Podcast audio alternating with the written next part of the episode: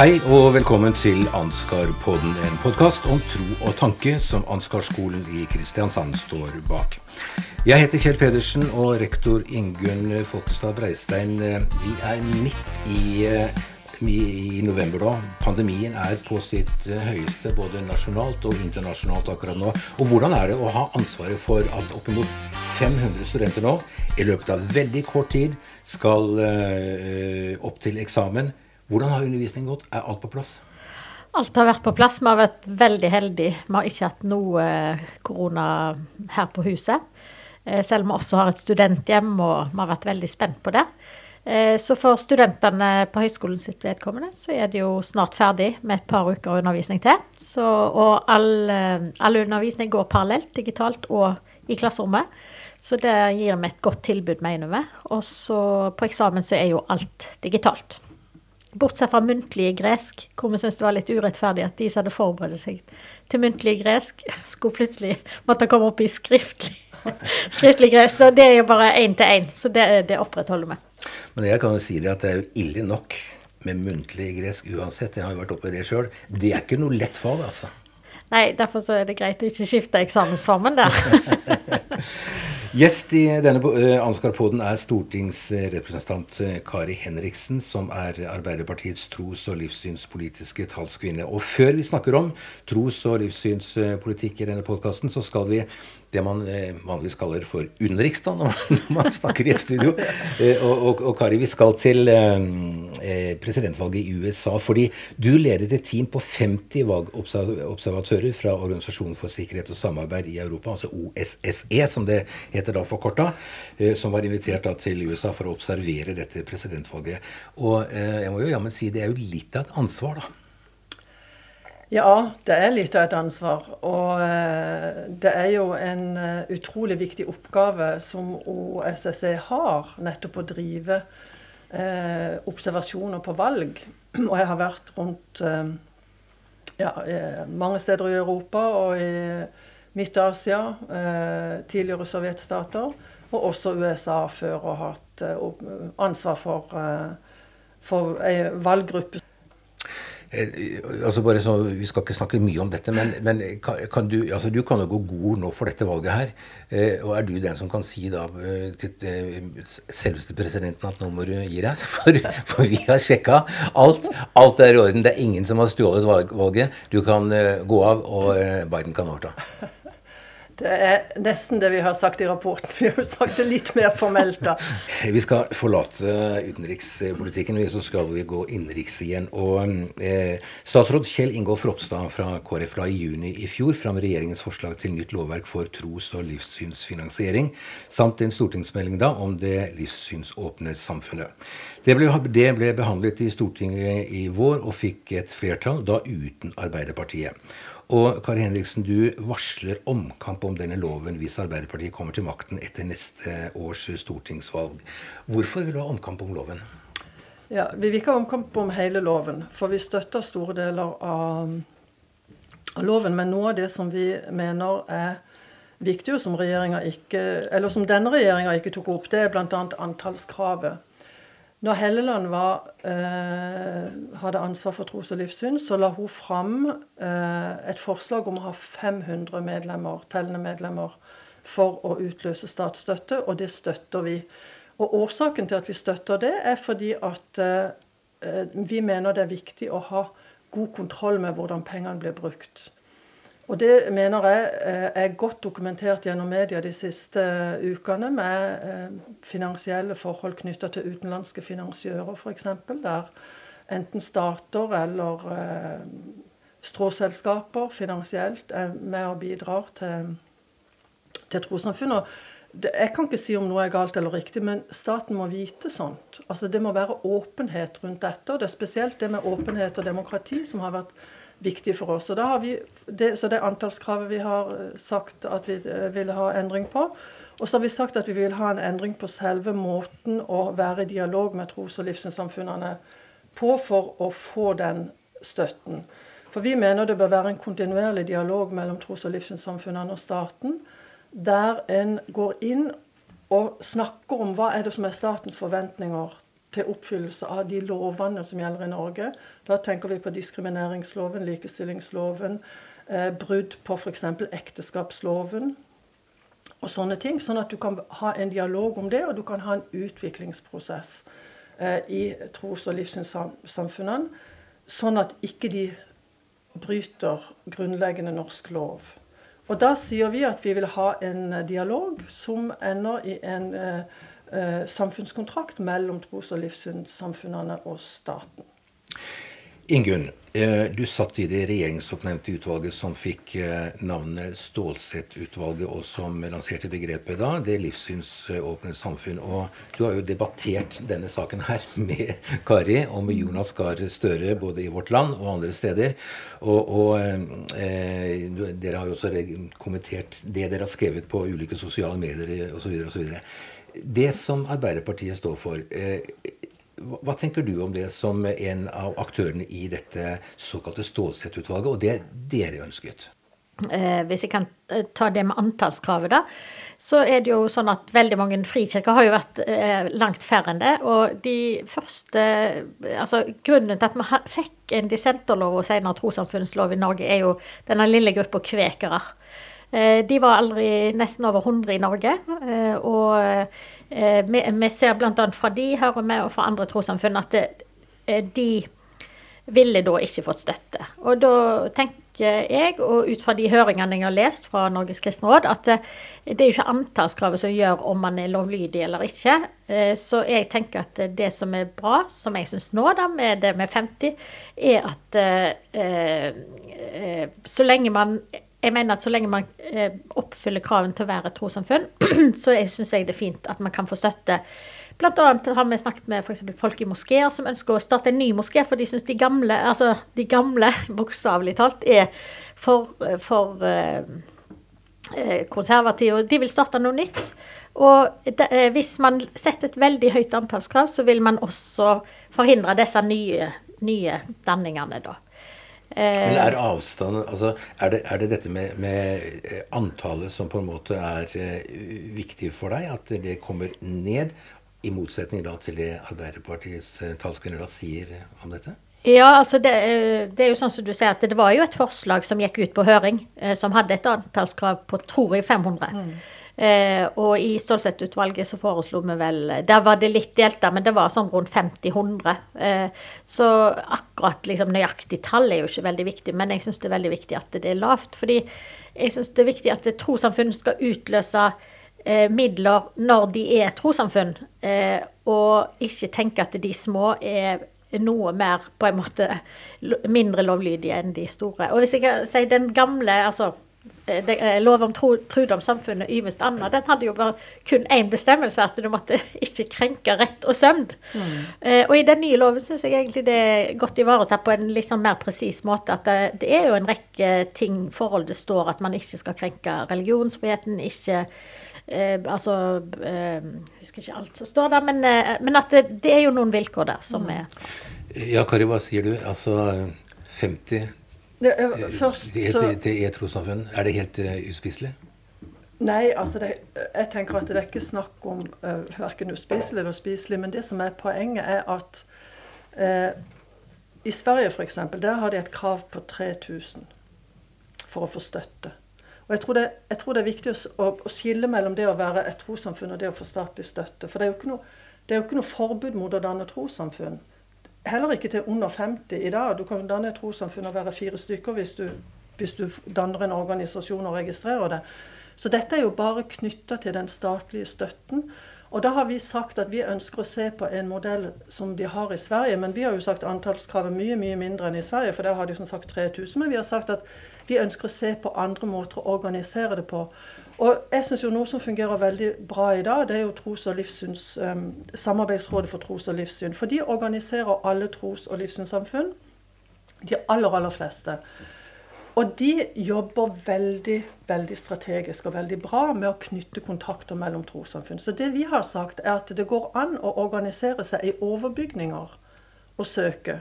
Sånn at du får f.eks. Eh, små pinsemenigheter, som i dag ofte er selvstendige menigheter, kan da være en pinsemenighet i Agder f.eks. i Rogaland eller i Sør-Norge, eller de kan finne en organisasjonsform som gjør at de utløser det kravet på 500.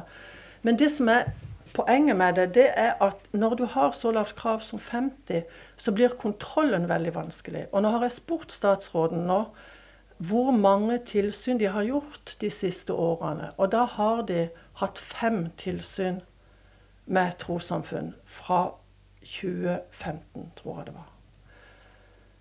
Og det er, det er ikke godt nok. Når vi ser de utfordringene som Og jeg tenker at noe av det som er Det er jo ikke noe bra for trossamfunn å bli avkledd, sånn som Jehovas vitner f.eks. er blitt nå i, i disse media, eller andre saker som får sånn en negativ vinkling.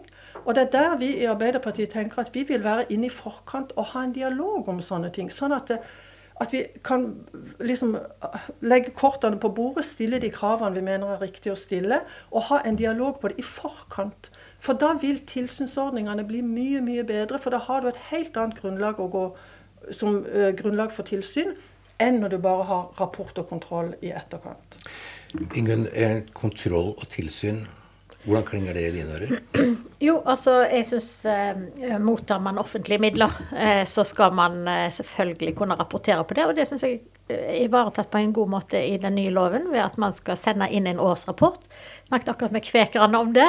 Eh, som sier at dette ble eh, liksom, De små gruppene, det er selvfølgelig, de har ikke, de har ikke så mange ressurser osv. Men eh, i utgangspunktet så tenker jeg at vi må gå ut fra, akkurat som idrettsklubber, eh, politiske partier osv., så, videre, så er trossamfunn grunnleggende lovlydige og ønsker å være det. Og så eh, syns jeg det er fint, da. Nå får man en rapport. Eh, og en ting som jeg syns er veldig fint, det er en slags sånn gulrot istedenfor pisk. Det at eh, man skal f.eks. rapportere på likestilling. Man skal rapportere på om man eh, avviker fra krav om likestilling f.eks. i i, eh, i sine styrer osv. Så, videre. så det tror jeg kan være Det ser jeg sjøl her på skolen. når vi rapporterer på likestilling hvert år. Så når jeg sitter og gjør det, så tenker jeg oi, ja, hvor mange kvinner og menn har jeg egentlig? sant? Og det tror jeg blir en sånn av og til vekker òg. Så jeg har stor tro på Altså, jeg ble jo veldig fornøyd, med sånn som loven ble.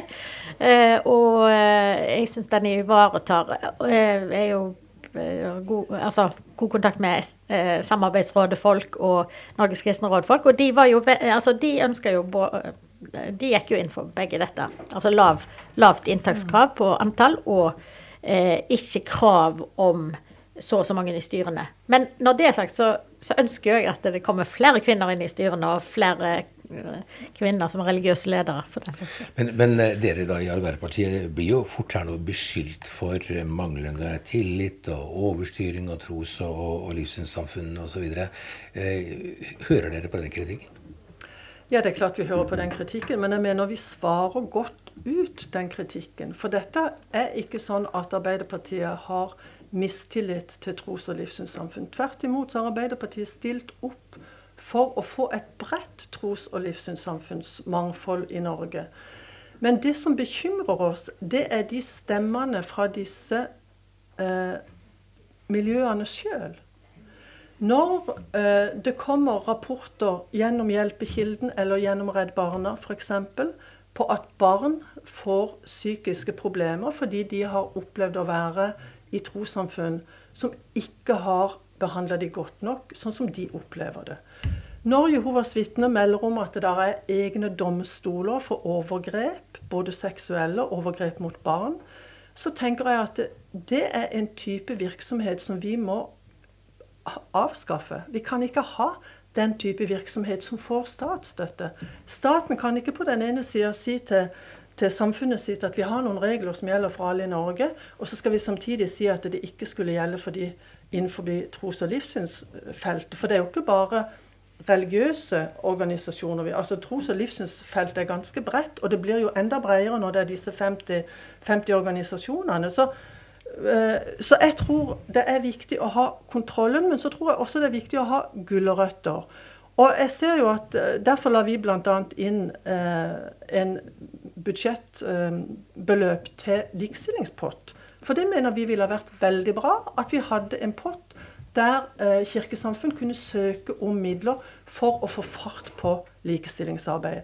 Men så er vi ikke blinde for at det er utfordringer. F.eks. i Den katolske kirke har jo gitt uttrykk for at det er store utfordringer. Muslimske samfunn har gitt uttrykk for at det er store utfordringer. Og det gjorde Den norske kirke også for 20 år siden, 30 år siden. Så det er klart at eh, det er ikke det at vi mener at ikke det er utfordringer. Vi mener heller ikke at den endringene skal skje fra 1.1.2021, for da har vi bestemt det. Nei, vi skal ha en dialog nettopp for å få til en utvikling som også ivaretar de som lover brytes mot i dag i religiøse trossamfunn. For de kan ikke være en sånn egen øy i samfunnet som under dekke av trosfrihet eh, går imot eh, norske lover. Eh, Ingunn, er det eh, Altså, taper trossamfunnene noe på mer innsyn og kontroll, som Kari Henriksen her eh, slår til lyd for? Nei, tvert imot. Altså, jeg er jo en sterk talsmann for og jeg, og jeg tror nettopp det at også små trossamfunn får Eh, får statsstøtte, er med på å åpne de opp for samfunnet. Fordi det vi var opptatt av i Stålsett-utvalget òg, det er jo at hvis bl.a. Eh, Human-Etisk sin representanter altså det vi, det vi, kan risikere, er at, eh, at eh, trossamfunn som ikke får støtte, der går litt mer under jorda, sant? eller de holder det for seg sjøl. Og jeg tror at med den statsstøtten, så tror jeg det gjør òg at Eh, man åpner seg litt mer opp mot samfunnet. Så jeg tror det er en fin måte å være i dialog på. Eh, altså Man får den statsstøtten, man får støtte fra et samfunn.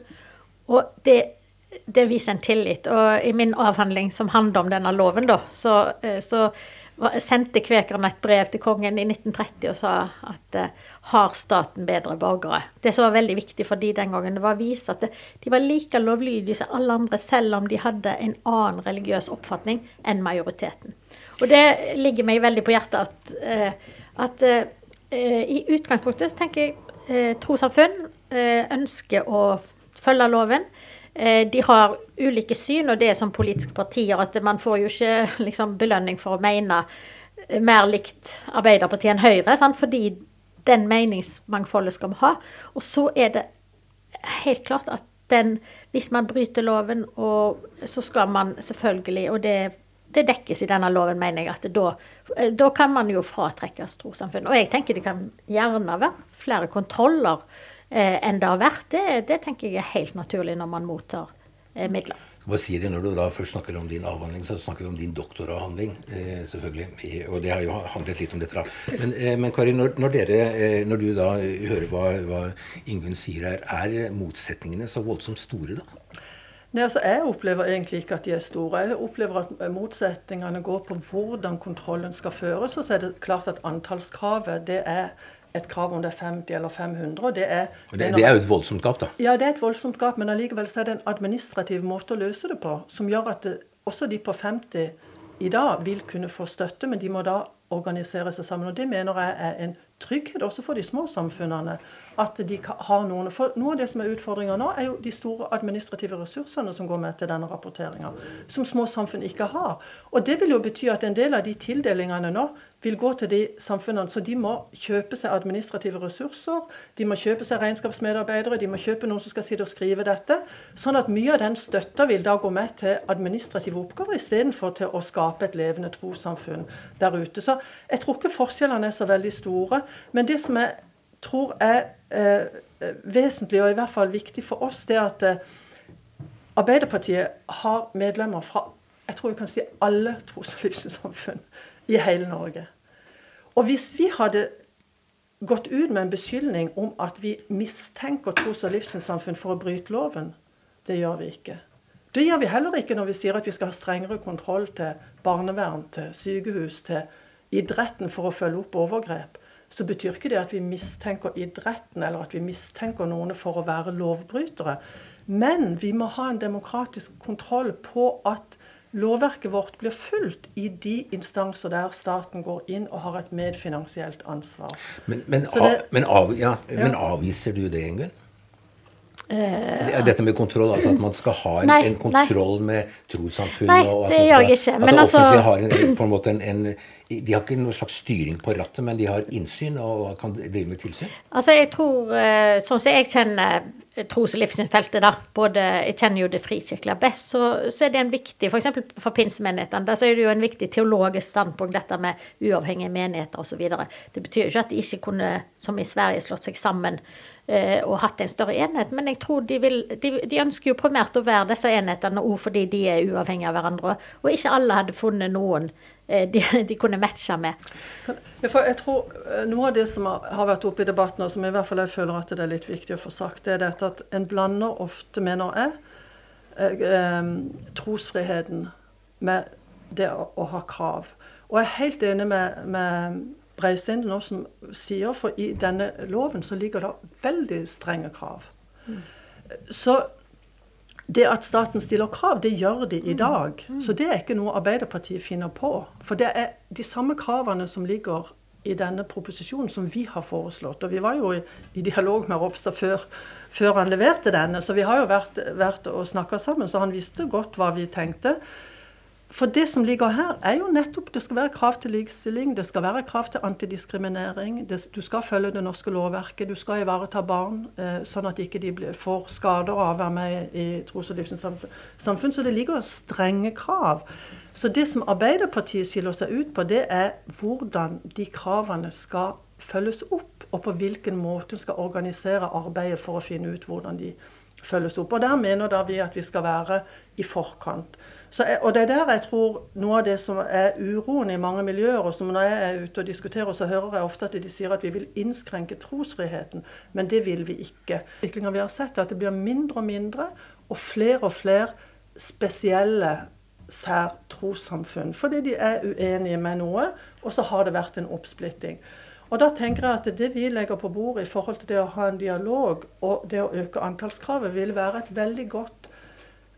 Eh, eh, skal jeg si for noe, et godt verktøy for trossamfunnene til også å snakke sammen.